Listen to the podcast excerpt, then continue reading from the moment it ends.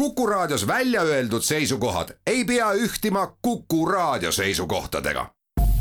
Te kuulate Kuku Raadiot.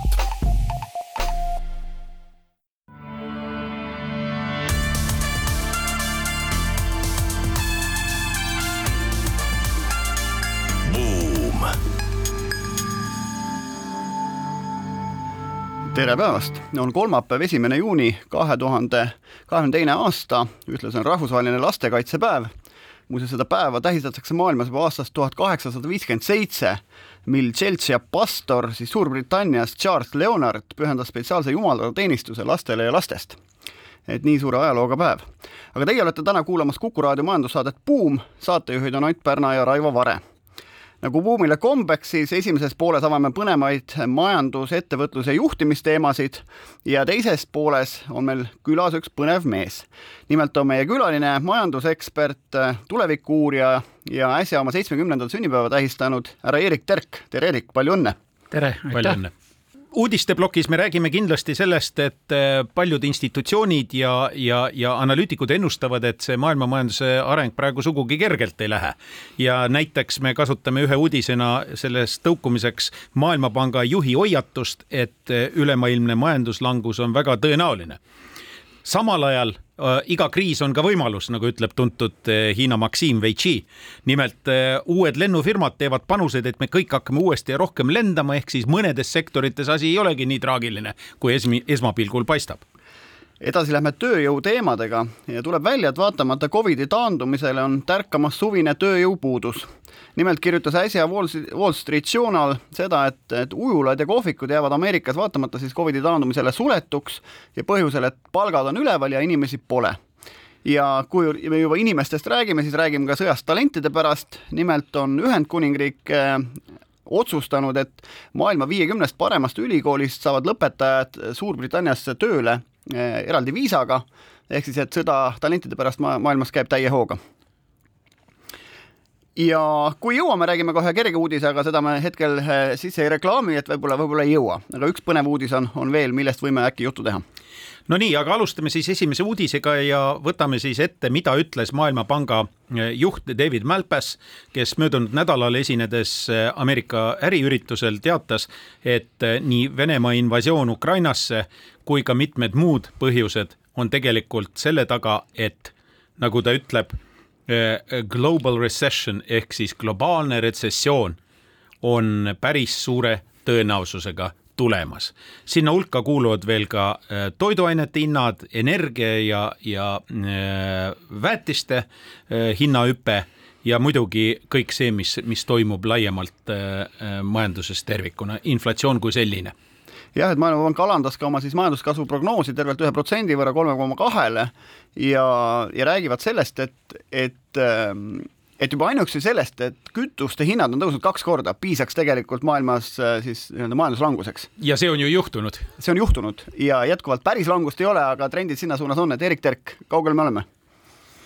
nojah, ma ütleks võib-olla seda, et, et ega asi pole ju ainult majanduses ja palju ta langusse läheb, sest mulle tundub, et, et praegu on üldse nagu selline situatsioon, kus kogu see arengumuster on kuidagi, kuidagi segamini maailmas ja, ja on tekkinud olukord, kus me peame jooksma nagu eri suundades, et et jah, ühelt poolt on, on ütleme, Venemaa agressiivsus, teiselt poolt tahame majandust käima saada, siis on igasugused tõved käivad kallal, eks ole, siis on, on ökoloogiaga igatpidi häda ja, ja noh, nüüd me ei tea üldse ju, seda, et, et mis nendest lennukitest saab, mille te räägite, et kas nad ikka hakkavad lendama hästi palju või ei hakka. sellepärast, et, et mingist ühest kriteeriumist lähtudes ju võiks nagu hakata jälle lendama. ja millele ka loodetakse. ja millele ka loodetakse, aga, aga teistpidi nüüd, kui hakkavad tulema need nagu teised impulsid, siis on ikkagi asi suht segane, et see paneb meile väga suure vastutuse, et kuidas manööverdada selles väga erinevate nagu mõjujõudude ja kui sinna otsa panna ikkagi võlakriis, milles on riigid täna veel rohkem, kui nad olid siin eh, kümme-kaksteist aastat tagasi, ma siin loen, et arenguriikide võlakoormus valitsustel siis võla teenindamise koormus oli siin kaks tuhat kümme aastal kuus koma kaheksa protsenti, ehk siis noh, ütleme võib-olla selline viieteistkümnendik valitsuse tuludest, siis täna on ta neliteist koma kolm protsenti valitsuse tuludest. ja kui see on võlakoormus teenindamine täna madalate intresside juures, kui peaksid intressid hakkama tõusma, ehk siis suur osa riikide eelarvetest hakkab minema lihtsalt laenude teenindamiseks, mis tähendab seda, et, et siin nii mõnigi riik võib maksejõuetuks maailmas muutuda. ja seal on veel see dollari probleem lisaks, sellepärast et koos selle segadusega dollar üldjuhul tugevneb ja praegu on ka seda märgata, mis omakorda arenguriikidele tekitab täiendavat peavalu sellesama võlaga seoses. ja muidugi ärme unustame ühte asja veel, me veel ei maininud, Hiina. Hiina tegelikult on ka keeruka olukorra ees Hiinas toimuvad protsessid, mida me veel praegu täpselt lõpuni isegi ei oska hinnata, aga igal juhul on fakt, et Hiinas on samuti majanduskasvu tempod langenud ja sellel on väga mitmeid põhjuseid, pluss Hiinas saab alguse koos selle pandeemiavastase nulltolerantsi võitlusega, saab alguse jätkuv õigemini on saanud ammu alguse ja ikkagi jätkuv veel segadus tarneahelatega seoses, sest Hiina on siiski väga suur tarneahelatega seotud ressurss eh, terve maailma jaoks, nii et tegelikult sealt tulevad ka veel tagasilöögid. ma üsna äsja eh, kuskilt lugesin, et räägiti sellest, et ainuüksi Hiina Hiina äh, äh, kinnisvara äh, kukkumine võib tekitada sellise laine, mis toob kaasa äh, retsessiooni ülejäänud maailmas. no hiinlased tegid ühe vahva koosoleku siin üks päev, et, et kus osales sada tuhat inimest ja eksperti. noh, Hiina on hea küll, ta on meist nagu siin circa tuhat kord, korda suurem, et see tähendaks, et meil nagu peaks olema sada eksperti koosolekuid peaks peaminister pidama et tuleb välja ikkagi, et probleemid on suured ja see kevadine Covidi laine on siis päris kõvasti neid löönud. no tegelikult sellest räägitakse üldse väga palju hoopis poliitika, mitte majandusvaldkonnas, sellepärast et sellel eh, koosolekul esines, videokoosolek oli see, esines Li Keqiang ehk siis peaminister, number kaks mees vormiliselt eh, Hiinas ja tema sõnum nimesid nimetamata oli sisuliselt selline, mis oli vastuolus senise esimees Xi poliitikaga, ehk siis nulltolerantsi ta ei kiitnud, vaid kurtis selle üle ja leidis, et tegelikult on vaja nii-öelda majanduslikes huvides sellest juba hakata tasapisi loobuma, aga selles nähakse ka võimuvõitluse teatud signaale, aga see ei ole meie saate teema. ja no ilmselt täiesti eraldi saate teema on see, et mis asi hakkab intressidega saama ja, ja mida üldse on võimalik teha, sest et ikkagi see nagu eurotsooni kontekst, kus on väga erineva tootlikkusega riigid ühes valuutasüsteemis, ühe jaoks on valuuta liiga kallis, teise jaoks, teise jaoks liiga odav, eks ole, on ju, ja, ja noh, mida, kui nendel nõrgematele eurotsooni liikmetele täpselt see intressitase hakkab tõusma, et nad ei suuda oma võlgu teenindada, mis on nagu selline hea pinnas populismi esilekerkimiseks Euroopa nendes riikides, et mille vastu noh, kui ühelt poolt keskpangad peaks justkui inflatsiooni ohjama seal kahe protsendi juures hoidma, noh siis intresse vastavalt tõstma, kui inflatsioon üles hakkab minema, siis äh, poliitiline surve on ilmselgelt seda mitte teha või sellega venitada või seda teha vähem kui vaja ja, ja nii edasi. et, et selles mõttes palju on ka sellist nagu nii-öelda majandusteooriale vastupidist tegutsemist või sellega mitte väga korrelatsioonis olevat tegutsemist. ja spreadid intresside riikide kaupa äh,, intresside spreadid hakkavad kasvama ja see on klassika, see alati kisub nii-öelda äh, kõike olemasolevat lõhku. Aga igasugune muutus äh, loob võimalusi ja me siin loeme, et on, BBC kirjutab sellest, et äh, maailmas on tärkamas tervel plejaad uusi lennundusfirmasid, kes siis mängivad selle peale, et ühelt poolt lennukid on hästi odavalt kättesaadavad, teiseks ähm, nii-öelda starditasud on soodsamad ja, ja võimalusi tegelikult lennujaamu kasutada on senisest enam ja, ja tulevad täiesti uued lennufirmad turule ja väidavad ja mängivad selle peale, et inimesed hakkavad taas lendama kas vähemalt nii palju kui varem või veel rohkem kusjuures eh, need proportsioonid on üllatavad, sellepärast et ju samal ajal on ju reisijate voog märgatavalt kukkunud. reisijate voog on eh, ligi kuuskümmend protsenti vähenenud ülemöödunud aasta, möödunud aasta ainult natukene kasvas üle-eelmöödunud aastaga võrreldes, aga samal ajal kinni läinud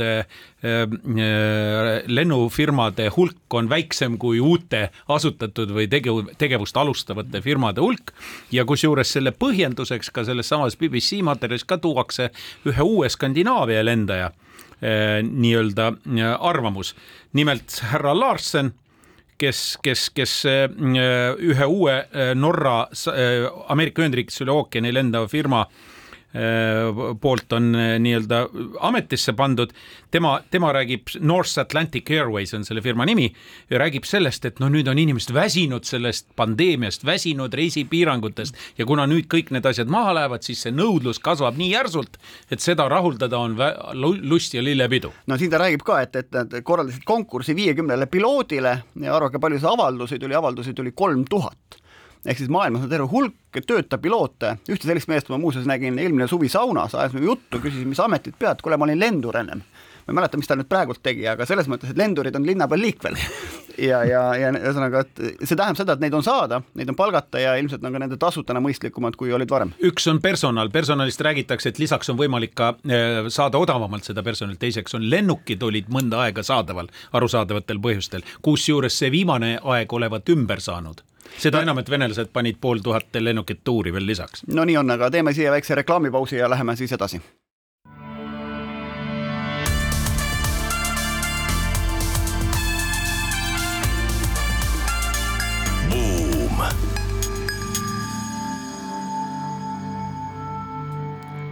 jätkame majandussaatega Buum, saatejuhid Ott Pärna ja Raivo Vare, saatekülaliseks täna majandusprofessor Erik Terk.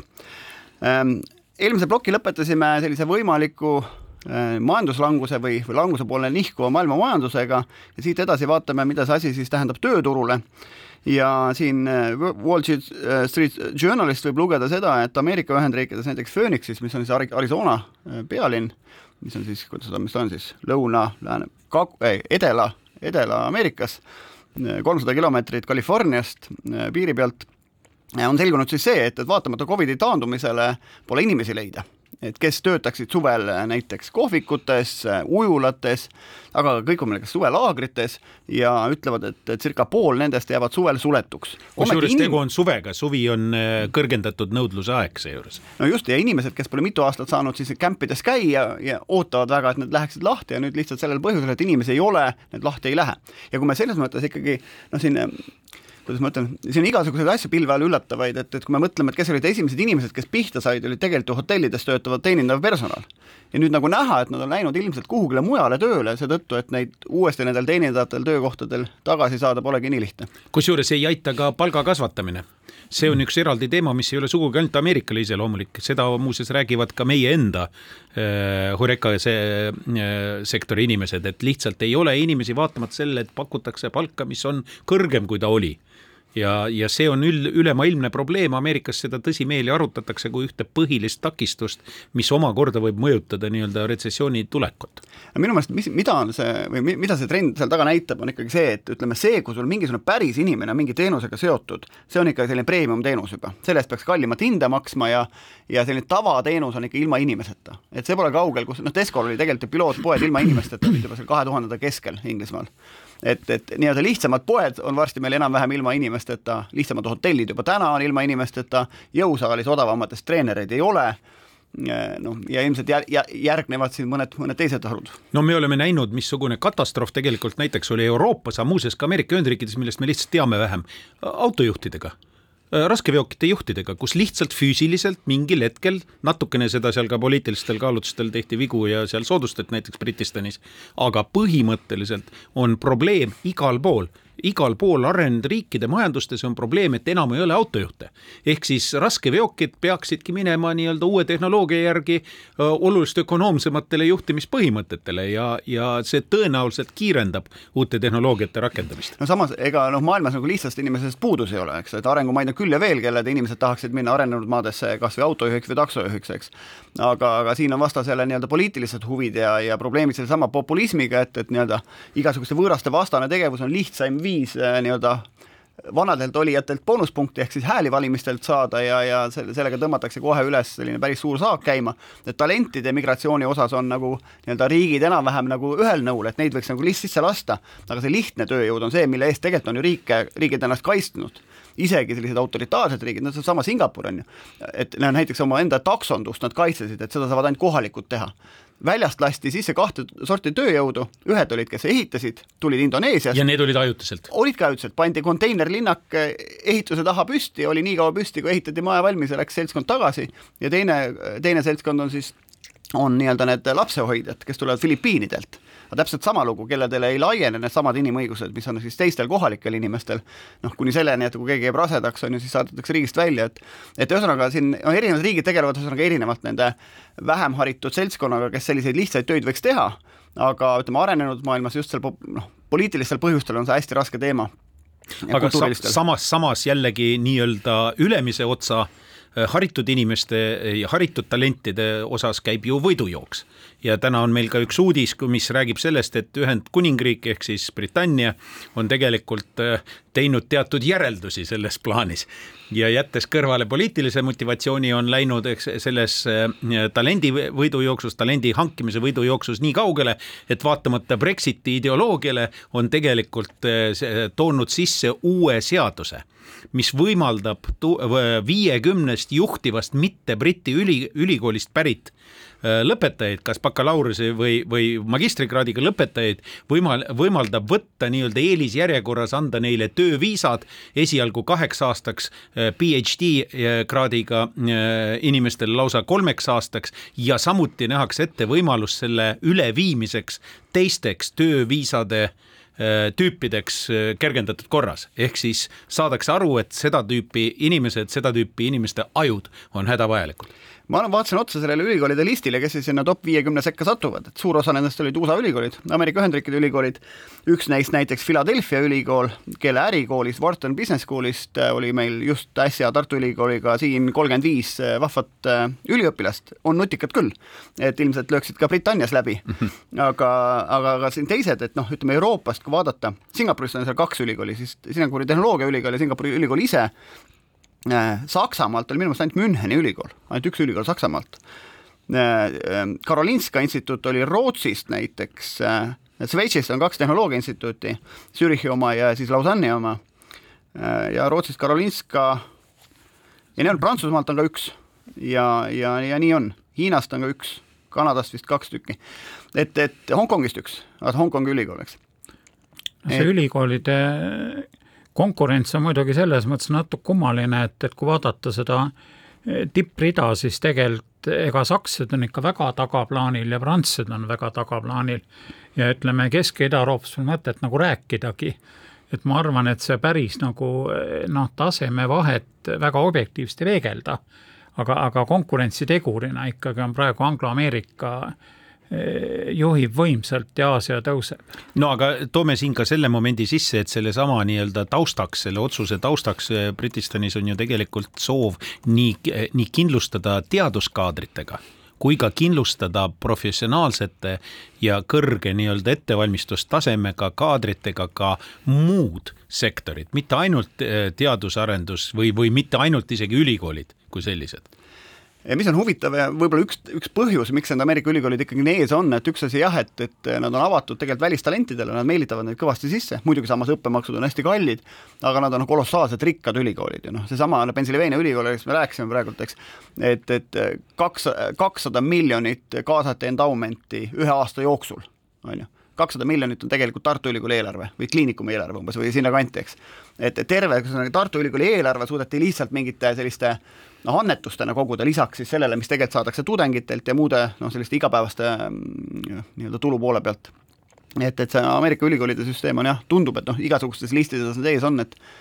aga jällegi noh, ma rääkides ameeriklaste, ütles, et ka noh, ameeriklased on ainsad, kes suudavad nii-öelda oma endist alumnit ehk siis lõpetajaid motiveerida kuidagi nagu ülikooli toetama, Euroopas ikkagi öeldakse, et kuule, ma oma õppemaksu maksin juba ära, et aitab teile küll, on ju, et, et miks ma peaks veel midagi ülikooli tooma jah, igal juhul sõda talentide pärast on tõsine teema ja kõrvuti väga paljude muude faktoritega ta muudab maailma, millest me teises, teises saate pooles räägime. aga võib-olla siiski me suudame ära rääkida ka selle viimase uudise, mis on võib-olla natukene teisest vallast, kergemuusika vallast niivõrd-kuivõrd, aga samas ka mitte. nimelt me teame, et Eurovisiooni konkursi, mis iganes me sellest arvame, aga võitis äh, Ukraina bänd äh, nimega Kalush või Kalush orkestra ja nad said auhinna, see on spetsiaalne selline kristallmikrofoni tüüpi äh, väikene püst või, või, või äh, laua peale pandav auhind, mille nad siis viisid oksjonile, müüsid maha üheksasaja tuhande dollari eest selleks, et ja nüüd pange tähele, see on patriotism tegelikkuses, selleks, et tõsta raha ja osta selle eest kolm drooni mis on küll Ukraina enda toodetud, aga mis on siis hädavajalikud selleks, et saaksid võidelda Vene agressori vastu jah, mis on huvitav, et oksjon viidi läbi Facebookis ja ostja oli minu meelest üks, üks krüptovaluuta firma aga see kõik selleks, aga tegelikult eh, noh, et kui midagi see Ukraina sõda on näidanud, et, et mõnedel inimestel või mõnedel seltskondadel või ka riikidel tegelikult on ikkagi süda nagu õige koha peal ja sellised kriisihetked võib-olla seda välja, välja toovad. üks vahva ettekanne, mida mul üks tuttav professor tegi siin mõned päevad tagasi, tema rääkis sellest, et üle maailma, ta rääkis innovatsioonist Ameerika Ühendriigis, aga et üle maailma on nii-öelda innovation in good is good innovation. ehk siis, et innovatsioon head tehes on tegelikult hea innovatsioon et igasugune innovatsioon, näiteks mis võimaldab ainult meil raha teenida, ei ole tegelikult hea innovatsioon. et, et võib-olla siis noh, seda teemat nagu laiendades, siis tegelikult kõikidel organisatsioonidel on võimalus selle, selle läbi head teha, et lisaks raha teenimisele siis siis ka ühte või teise kohta nagu ühiskonnas või sotsiaalias või ka keskkonnas panustada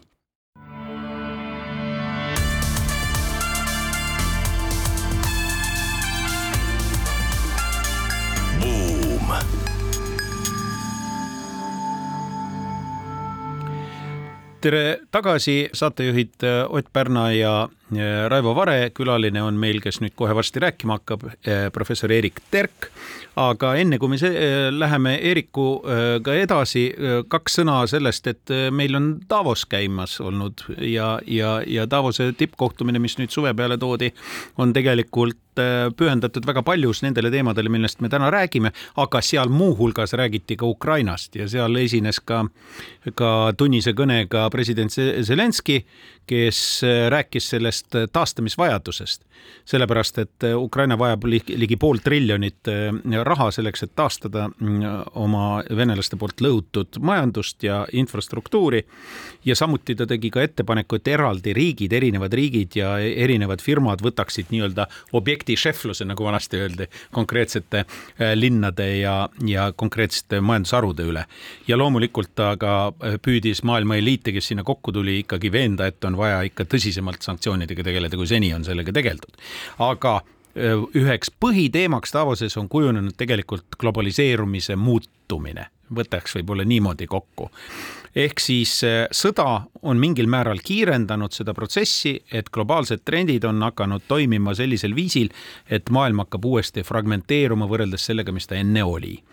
ja, ja siin on äh, väga mitmeid selliseid arvamusi avaldatud, kuidas see täpselt toimuma hakkab. enam-vähem peetakse loomulikuks, et toimuvad regionaliseerumisprotsessid, et tulevad üha rohkem peale regionaalsed äh, plokid mis hakkavad mingil määral asendama siis seda suurt globaalset välja, mis enne oli äh, nagu selline paleosse üleilmne küla. aga see kõik on praegu alles, alles käimas, see protsess kui kaugele ta jõuab, mis sellest saab, see on kindlasti küsimus Erik Tergile, kes on eluaeg tegelenud ju tegelikult nendesamade teemadega, tuleviku uuringutega, globaalsete trendide hindamisega ja nende ekstrapoleerimisega, eh, kaasa arvatud eh, mingitele projektidele siinkandis. No võib-olla kõige üldisem indikaator, mille järgi saab seda globaliseerumise tervist vaadata, on see, kui me vaatame siis majanduskasvu ja väliskaubanduse vahekorda ja siin tuleb öelda, et see globaliseerumise nagu pidurdumine ei ole nüüd üldse viimaste aastate küsimus, et, et hiljemalt juba viimasest suurest finantsmajanduskriisist alates oli nii, et enne seda oli väliskaubandus kasvas maruliselt kiiremini ja tõmbas nagu majandust kaasa ja ja nüüd, nüüd on see trend on nagu, nagu teistpidi ja, ja muutunud. Aga põhimõtteliselt on siin minu arvates kaks asja, et, et kui me ütleme, et globaliseerumine pidurdub, et et siis millest me nagu ikka räägime, et, et kui me räägime nüüd sellest kõige üldisemalt, et noh, et, et toimub ju teadus ja tehnoloogia areng ja informatsioon levib ja, ja igasugused kombed nagu levivad ühelt maale teisele maale ja siis nüüd no vaevalt saab öelda, et see protsess nüüd peatub, ega ta ei peatu küll. et see on midagi, mis on, ma ei tea, Kolumbusest saadik on juba toimunud ja toonud kaasa igasuguseid häid või halbu asju, no ma ei tea Euroopasse kartuli Ladina-Ameerikast ja suguhaigust Ameerikasse ja ja noh, ilmselt selles laias mõttes see globaliseerumine nüüd ikkagi ka jätkub, kui, kui see maailm jätkub. aga ta teiseneb oma vormilt. jaa, aga nüüd, nüüd teine lugu on see, et, et kui me räägime nagu seda, ütleme majandus- või finantskeskset globaliseerumist, mis algas kusagil seal eelmise sajandi kaheksakümnendate lõpul, siis noh, sellega on nüüd, nüüd vist asi jah, suhteliselt ühel pool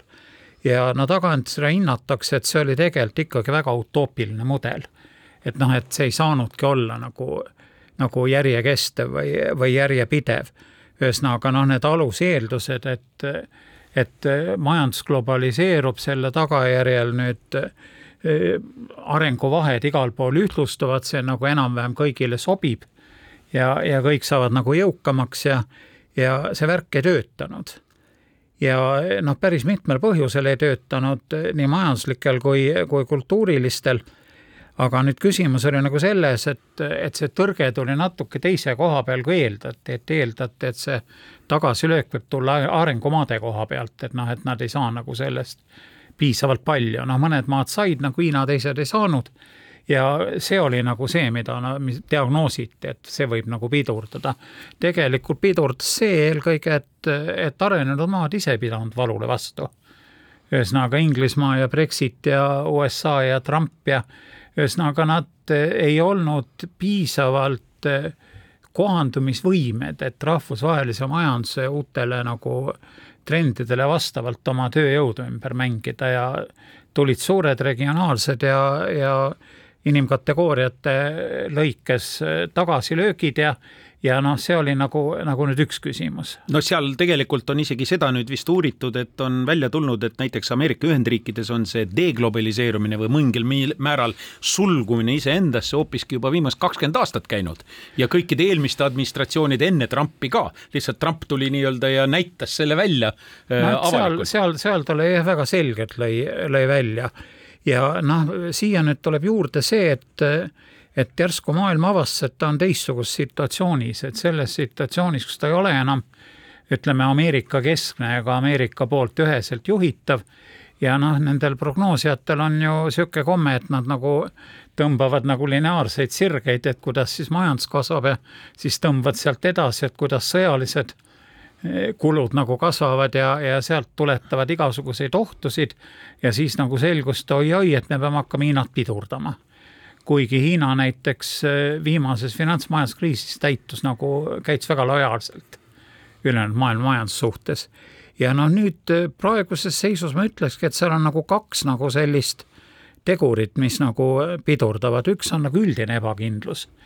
no vot, see globaliseerumine oli ka suuresti, oli äh, finantskapitali liikumisega seotud. aga see oli seotud rahuliku, prognoositava suhteliselt ja sõdade vabade kesk- okay,, vaba aga, aga, aga, aga tegelikult ka viimane finantskriis, seal polnud sõjaga midagi pistmist, eks ole. ühesõnaga äh, finantskapital nagu äh, noh, tõmbleb ja, ja sellest tulenevalt võib tekkida igasuguseid probleeme ja noh, siia juurde veel ütleme tehnokatastroofid, mingid kanalid jäävad, eks ole, kinni, ökoloogiaga seotud asjad, ühesõnaga selgus, et kui sul on no ütleme näiteks viiest astmest koosnev nagu tarnekanal ja nad asuvad sul üle maailma laiali, et see võib olla üksjagu ohtlik. ja nüüd siia juurde tuli, tuli see, mida juba Raivo korra mainis, see maailma plokistumine. et, et kui nüüd hakkas tekkima nagu see variant, et et äh, USA püüab ennast äh, vähemalt paljudes majandusvaldkondades lahti siduda Hiinast ja nagu tugevdada suhteid oma liitlastega ja tõmmata hiinlastelt ära majanduspartnereid ja omakorda hiinlased üritavad, ütleme Aafrikas ja mujal, eks ole, haarata äh, majanduspartnerid kaasa, et siis, siis nagu see ebakindlus juba lõi selle tarneahelate pildi nagu segamini ja noh, nüüd sellest muidugi ei tulene, et, et rahvusvahelised tarneahelad üldse ära kaoksid, et kuigi noh, ei püütakse rohkem oma maal või naabermaades, eks ole, nendega asju ajada, aga, aga ikka kaetakse ka kaugemate maadega, aga nüüd tekib küsimus, et milliste maadega, et nende maadega, noh, kelle transpordikanalid ei ole ühelt poolt ohus ja teiselt poolt, kes on siis nagu poliitiliselt, ütleme, ploki raames nagu lojaalsem või või, või liitlasem või ütleme niimoodi, et, et võib-olla, et kui me rääkisime Eestis, et et noh, et kuidas ikkagi siduda ennast Hiina keskse majanduskasvuga, et võib-olla nüüd hakkame mõtlema, kuidas ennast India keskse majanduskasvuga ma... siduda, kuigi jah, SOS on nagu vahel, nii et ja. probleem ikka ütleme, et me räägime selle globaliseerumise lõpust, mis on üks põhiteema, aga kui me mõtleme, et et globaliseerumisest idee poolest said ju kasu just need rikaste riikide kõige ülemine ots, on ju. ja, ja minu meelest, mis on nagu ma, ma olen kaugel sellest, et olla nagu selline ehm, noh, varanduse tohutu ümberjagamise pooldaja, aga olukorras, kus ikkagi nagu ma ei tea, kakskümmend kuus maailma rikkamat inimest omab sama palju vara kui pool maailma rahvastikust kokku, see on nüüd globaalses mõttes, ehk siis see raha väärtus, see kasu sellest globaliseerumisest on ikkagi kontsentreerinud väga kitsa kildkonna kätte. ja isegi kui me mõtleme, et ütleme, et Ameerika Ühendriigid tervenisti on see kildkond, tegelikult ei ole. et kui eile ma rääkisin, paar päeva tagasi rääkisin ühe tuttava arstiga Ameerikast juttu, siis ütles seda, et ega regioonides ei ole internetti Ameerika Ühendriikides, noh rääkimata sellest, et poolel ei ole jätkuvalt välispassi, nad pole kunagi riigist välja käinud. aga ikkagi see seltskond, kes on nagu nii-öelda manipuleeritav Donald Trumpi suguste poolt, on jätkuvalt olemas ka nendest kõige rohkem globaliseerumisest kasu saanud riikides. ehk siis, et natuke tegelikult ma ütleks, et seda noh, nii-öelda see kasvu kaasatus või inclusiveness on olnud tegelikult lahja ja see on tegelikult rikaste riikide endi probleem, et, et nad on tegelikult täna need Brexitid kätte saanud. aga see on kahe otsaga teema, sest samal ajal statistiliselt on võimalik väga selgelt ka tõestada, kuivõrd on globaliseerumise käigus jällegi just nimelt arengumaade elanikkond võitnud kus on ka, miljardid tõstetud, eks ole, sõna otseses mõttes vaesusest ja, ja näljast välja, kus nad enne viibisid. nii et see on niisugune no, kahe otsaga teema. see on riikide kaupa, ta ei, ta ei, ta ei ole ühtlane ja noh, kui me vaatame, ütleme, kus otseinvesteeringud on, kus on tõesti, ütleme, ehitatud tehaseid ja ja taolisi asju arengumaades, see on tegelikult suhteliselt väike protsent maadest. Ja noh, sealt on tulnud nagu, nagu rohkem seda, seda kasu kui, kui ülejäänutest, aga minu arvates hea näide eelmisel jutul teil oli see, kui viimane Lennart Meri konverents oli ja see Lennart Meri nimeline kõne, mida siis Ameerika diplomaat pidas, siis tema kõnes. Daniel Freed oli see. ja tema, tema kõnes oli üks selline lause, mis ta ütles USA enda tuludiferentside kohta ja ropp tulude diferents USA-s. nii et noh, ütleme seda ütles Ameerika tipp, tippdiplomaat rahvusvahelisele publikule, no järelikult see on probleem. ja no lisaks infrastruktuuri nii-öelda, millal ehitati viimased Ameerika lennujaamad, eks. et, et tegelikult kaugelt paistab asi ilus, on ju, noh, suurlinnades paistab ka ilus, aga tegelikult üle riigi noh, või meditsiini kättesaadavus Ameerika Ühendriikides või kõik see muu, eks. ja, ja noh, samas see on midagi, millega tegelikult noh, Skandinaavia maad on vähe toekamalt toime tulnud, kas või nagu Lääne-Euroopa riigid, eks, et, et noh, ütleme,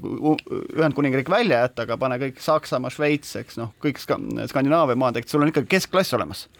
eks see seltskond, kes on ka nagu nii-öelda rohkem osa saanud ja kes on nagu noh, intellektuaalne eliit ka, eks.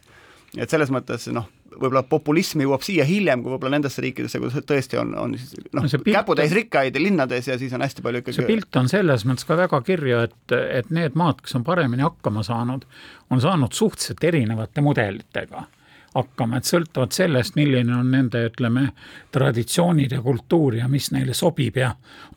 millega, kes on suutnud, kuidas seda keskklassi tekitada, et seda, et oleks mingi üldine noh, mingi arengu katekismus ja kõik peaksid seda järgima ja siis kõik hakkavad õitsema, et see ei tööta ainult kaks äh, vahemärkust või õigemini üks sisuliselt, tegelikult käib ju selle protsessiga paralleelselt veel võitlus. seesama võitlus, mida me juba mainisime Ühendriikide ja Hiina vahel, kes enda ümber üritavad hoida nii-öelda teatud välja või nimetame seda majandustehnoloogiliseks platvormiks minu terminoloogias, mis tähendab seda, et praegu käib see võitlus hoopis teravneb. me näeme seda selles samas poliitilises vastuolus, majanduslikus vastuolus ja ka äsjases Ühendriikide katses luua uus tehnoloogiline platvorm, standardite platvorm, mis on ju selle eh, TPP asemel eh, Bideni poolt välja pakutud, mille Trump esimese asjana maha lõikas geoökonoomiline võitlus kindlasti jätkub USA ja Hiina vahel, aga nüüd on, probleem on selles, et, et see ei muutuks nagu eh, selliseks noh, ühesõnaga ohtlikuks geopoliitiliseks madinaks ja noh, ütleme, et juhul, kui tekib selline vastasseis, et lääs ülejäänute vastu, siis noh, see on ülimalt ohtlik. aga nüüd lähme pausile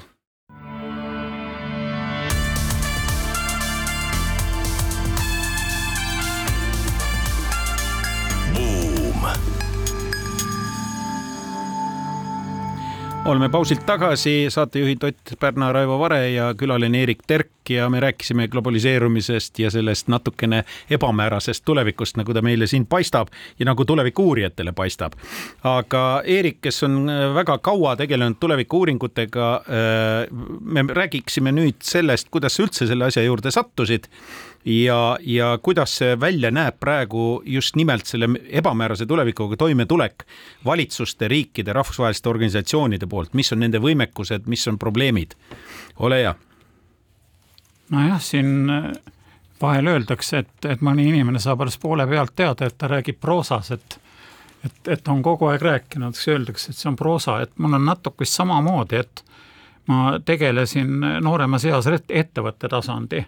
problemaatikaga ja noh, seal tehti ka stsenaariumeid. ja noh, mingil määral nagu see tehnika oli käpas ja siis kui hakkasid huvitavamad ajad peale kusagil kaheksakümmend kuus, siis paratamatult nagu toimus see, et, et me hakkasime kolleegidega tegema siin niisuguseid laiemaid arengustsenaariumeid. maaelu arengustsenaarium oli kõige esimene, Eesti maaelu arengustsenaarium. siis kolleegid tegid hariduse mis aastal see oli? tuhat üheksasada kaheksakümmend kuus. Ja noh, siis, siis juba siin edasi isemajandava Eestiga ja ja mu seal valitsusstruktuurides töötamise ametiga ja siis seal oli nagu see mitmevariandiline mõtlemine oli nagu, nagu paratamatu, et, et seal nagu ühevariantselt polnud väga, väga mõtet tegutseda, aga siis kusagil nüüd, kui ma hakkasin Tulevikuuuringute Instituuti püsti panema, siis, siis tuli mu juurde või õigemini akadeemik Köörna tõi mu juurde siis ühe Hawaii saartelt ühe poolindiaanlase, kes oli siis ülemaailmse nagu tulevikuuuringute assotsiatsiooni pealik ja tema tegi selgeks, et et tead, et see asi, millega sa tegelenud oled, et seal on nagu laiem taust ja siin on terve, terve, terve teadusharu, tekkiv teadusharu taga ja Pentti Malaska Soomest meid aitas ja noh, siis läks see asi nagu laiemaks. aga kui siit nüüd edasi minna, et selle valitsemisega on muidugi tõesti nagu häda ja noh, Rooma klubi looja Aurelio Becei on öelnud, et et inimene on üldse administraatorina läbi kukkunud. Hm. et ta on noh, tehnokraadina olnud õudselt hea ja igast asju veel välja mõelnud ja nikerdanud, aga noh, administratiivstruktuurid, mida on suudetud luua nii riikides kui riigiülesel tasandil, et noh, et need on ikkagi väga, väga nügad ja noh, et, et kokkuvõttes loovad nagu pigem korralagedust ja ebastabiilsust maailmas. Ja noh, siin on kaks asja, et ütleme, kui võtta kõige üldisemalt, et ega üldiselt kogu see ministeeriumite kaudu nagu valitsemine, et see on kusagil mingi üheksateist sajandi värk. ühesõnaga noh, tal nagu kui võtta ka kaasaegse nagu organisatsiooni juhtimisteooriaga, siis ta on niisugune küllalt, küllalt nagu aegunud mudel või ütleme, et kui, kui nagu nende kastide kaupa nagu asju ajada, et siis seda terviklikku või holistilist pilti või arengu ideoloogiat on ikka hästi-hästi raske teha, et et ma kujutan ette, et tulevikus ka avalikus sektoris on ikkagi sellised, rohkem selliseid eh, programmi ja projektipõhiseid ja taolisi nagu arengustruktuure. aga väga palju jooksvast organiseerimistööst on ju tegelikult rutiin ja me teame, et eh, põhimõtteliselt rutiini puhul on tehnoloogia rakendamine ju väga teretulnud, tööstuses rutiini, rakendatakse rutiin, igal pool. rutiini saab anda ka, ütleme, erasektorile, aga, aga see on kõik see, mis on nagu ütleme, ärategemine, nagu on väga selge, mida on vaja ära teha aga, aga küsimus on selles, et, et me ei tea, mida me tahame. kui sa pead mitmes suunas jooksma, eks ole, siis sa pead ju kogu aeg ümber häälestama, noh et näiteks mida on Singapur on väga hästi teinud, et, et ta on suutnud ümber häälestada õigel ajal õigetel asjadel, ega ta ole kogu aeg nagu, nagu õigeid asju teinud. ja noh, teine häda on see, et, et me oleme võtnud nüüd väga palju ju malli valitsemist Euroopa Liidu teistes riikides ja mina olen ka Euroopa Liidu fänn, aga, aga noh, ütleme niimoodi, et see on hea ilmavalitsemine, ma ütleks või. või noh, ühesõnaga valitsemine sellistes stabiilsetes, aeglastes tingimustes ja, ja jällegi mul tuleb natuke kananahk ihule, kui ma mõtlen, et mis me järgmistel aastal tegema peame, et kui meil on ka niimoodi, et iga asja jaoks me kuulutame välja konkursi ja siis, siis on planeeringud kestavad kaks aastat ja ja et noh, et siis, siis ei ole paljusid asju, tuleb mõtet teha lihtsalt mida, mis oli, oleksid üliolulised, oleks olnud vaja kohe, kohe ära teha, nii et, et noh, siin on isegi ka pakutud niimoodi välja, et noh, et, et on valitsust vaja korraga nagu efektiivistada ja on vaja nagu futuriseerida või. ühesõnaga, et viia nagu, nagu valitsemine rohkem sellistele tõesti nendele trendidele, mis praegu veel kaelas ei ole, aga aga mis näha on. Ja no minu arvates seda soomlased on hästi teinud mul tuli Tulevikuuuringute Instituudist ukse vahelt üks soomlane sisse, päris üheksakümnendate algul ütles, et tere, mina olen Paavo Lepponen, mitte Lipponen. Hmm.. ja tema oli see mees, kes siis korraldas ühesõnaga Soome valitsuse ja parlamendi vahelist koostööd, kuidas siis Soome parlamendi tulevikuraportid ühesõnaga liikusid valitsusse ja kus regulaarselt siis noh, valitsus pidi mingite perioodide järel andma aru, et kuidas ta kavatseb nüüd neid tekkivaid trende nendele, neid kasutada või, või nendega hakkama saada. no seal oli isegi tulevikukomisjon olemas. ja, ja aga ilma tulevikukomisjonita oleks olnud suht raske teha, sest muidu oleks see läinud nagu igapäeva löömiseks, aga see oli selline noh, ütleme selliseid maa ja õhk tüüpi poliitikuid ei võetud nagu tulevikukomisjoni. Isase ja emase poole pistiku standard oli sama, ma saan aru, et siis andmevahetus nagu toimis. aga nüüd, kuidas selles olukorras hakkama saada, noh, siin on igasuguseid selliseid kreatiivsed mõtted on sellised, et, et vaata, mis su sada kõige intelligentsemat venda riigis teeb. ja kas nad tõesti ajavad olulist õiget asja õiges kohas või nad kuskil, kuskil ära. noh, siis OECD kirjutas kaks tuhat üksteist ühe raporti sellise ühtse valitsemise suunas kus noh, sa rääkisid sellest üheksateist sajandi ministeeriumidest, aga kus tegelikult peaks olema selline ühtne noh, selline towards a single government approach või nad ütlesid, et, et mm, -hmm. et mhm. nagu tegelikult läbiv, sest et mis iganes teema me võtame, seesama majandusteema meil siin saate teema, noh, ütleme siseministeerium, migratsioon, välisministeerium, välismajandus mm, -hmm. kogu hariduspoliitika, haridusministeerium, ümberõppepoliitika, ma ei tea, sotsiaalministeerium on ju, et ükskõik millise probleemi me võtame, me peame vastu panema terve hulga ministeeriumeid. ja noh, rootslased selles kontekstis on teinud ju oma seda Lego valitsemist, on ju, et sa saadki ministrite alla. probleemipõhine. just, et mitte teha portfellita minister, aga tehakse portfell kiiresti ja tõstetaksegi eri ministeeriumidest osakonnad mm -hmm. kokku ja tehakse portfell valdkonnas, kus sul on andekas, kas andekas minister võtta või teine, sul on selline põletav probleem, et tahab lahendamist. no jaa, aga seda me teeme ju firmades pidevalt tegelikult täpselt sedasama, lihtsalt riigis millegipärast ei taha teha seda. aga Eerik, see raport äh, valmis äh, äh, neljandal augustil kaks tuhat üksteist, kümme aastat tagasi, üksteist aastat tagasi, et kuidas seis on, on paremaks läinud? No on ikka tegelikult. no ma ütleks, et praegu, praegu noh, selliseid erinevate valdkondade osas stsenaristikat, et mis variandid üldse kõne alla tulevad ja ja kuidas, kuidas midagi nagu, nagu võib töötada ja noh, seal me oleme praegu suhteliselt kaugele jõudnud. aga nüüd on probleem on selles, et et kuidagi noh, ta ei, ta ei ühenda nagu lõpliku tasandini ära, see tarkus ühesõnaga tehakse stsenaarium, et sinna tõmmatakse sisse ka poliitikuid, neist räägitakse ka valitsuse tippametnikega, ütleme, mingi nagu infovahetus toimub. aga samal ajal ütleme, see asi, mis jookseb ministeeriumeid pidi ühesõnaga niisugune tavapärane tegevus. elab oma see, elu. see ei lase ennast nagu hirmus palju segada. ütleme niimoodi, et noh, et efekt on see, et, et, et on tekkinud partnerid, ütleme, kes, kes saavad juba aru, et, et noh, et, et tõenäoliselt mingid nihked võiks tekkida, aga, aga ütleme, et, et nagu komanda on ikkagi see, et, et tõmba nüüd seda vana, vana liini pidi edasi aga siin üks asi ma tahtsin veel öelda, et eh, Otil on õigus, et noh, et üks on see, et vaata riigi sisse, mida targemad inimesed teevad. teine on see, et, et vaata välja. no mis oli ka soomlastel oli maru hea ja nad võtsid kokku sellise pundi, kus olid nii nooremad poliitikud, tippametnikud eh, kui akadeemiline seltskond ja vedasid nad mööda kõiki neid maid, kus oli võimalik midagi õppida Soome kohta Soomes kasutamise kohta ja siis nagu panid selle omavahel läbi klaarima, et tekkis nagu see horisontaalne liikumine. et mitte, et poliitikud elavad oma elu, teadlased elavad oma elu ja, ja ametnikud elavad oma elu, aga, aga see kamp nagu koos nagu genereeris, et mida teha. no me püüdsime seda Eestis ka teha, no mis meil õnnestus, meil õnnestus see, et, et me viisime tippametnike grupid mõnedesse maadesse, no mina aitasin Soome viia Tehnikaülikooli omad aitasid eh, USA-sse viia, aga need olid tippametnikud ainult. tähendab, see horisontaal jäi puudu, et see on nagu nüüd mõtlemiskultuur, et, et need inimesed võiksid nagu noh, ütleme koos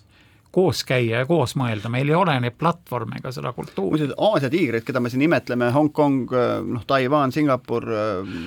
Lõuna-Korea, seal on tegelikult, kui sa oled avalikus sektoris ametnik, iga nelja aasta tagant sa pead läbima sellise kuuse tsükli. ja kus pannaksegi kokku, sul on samal ajal, ma ei tea, Hongkongi tuletõrjepealik ja kuskil mingi riikliku labori juht ja sellised, et esmapilgul sellised kaootilised seltskonnad on kokku pandud, aga seal tekib selline vendlussõprus ja selline sidemed üle, üle riikide ühelt poolt, aga teistpidi ka üle nende haldusalade. ja pluss siis see nii-öelda see vaimne rikastumine niikuinii sellise nii-öelda sabatikali raames eh, kuuajase sellise ägeda koolituse läbi. et selline nagu massidesse viia, on ju, võib-olla akadeemiline pool, ametnikkond ja siin ettevõtjad kaasata, teha selliseid gruppe ja mida rohkem, seda uhkem, tundub nii. Aga kuidas meil nüüd futuriseerimise järelkasvuga on, sa oled emeriitprofessor, anna andeks, sa pidasid äsja juubelit, aga kuidas sul järelkasvuga no ütleme niimoodi, et on tekkinud ja, ja seda on tekkinud nüüd eri kohtades, no meil oli arengufond, eks ole, omal ajal oma, oma tegevuse, kogemuse, kultuuriga, nüüd, nüüd on Arenguseire Keskus, ülikoolides midagi tehakse, inimesi on kraade kaitsnud, nii et noh, ütleme nii, et asi pole lootusetu ja mina nüüd püüaks nüüd järgmiste aastate jooksul tegeleda sellega, et panna kokku sellise tulevikuuuringute käsiraamatu, et kuhu siis see kogemus, mis Eestis on kogunenud nüüd selle küllap pika aja jooksul, et, et see oleks nagu kättesaadav ja laiemal publikul oleks võimalik nagu sellega nagu edasi põrutada. mees sõnast ärgas arvest. jah, Eerik, kirjuta siis kiiresti ja tuled siis saatesse taas rääkima, mis siis raportisse kirja sai. aga buumisaate aeg on tänaseks ümber suur,, suur-suur aitäh sulle, Eerik, veel kord õnne äh, tähtsa juubeli puhul. Äh, buumisaade on eetris taas täpselt tund vähem kui nädala pärast, kell üks kolmapäeval ja siis on teemaks riskikapital ja roheinvesteerimine tänud teile kuulamast ja tegusat päeva!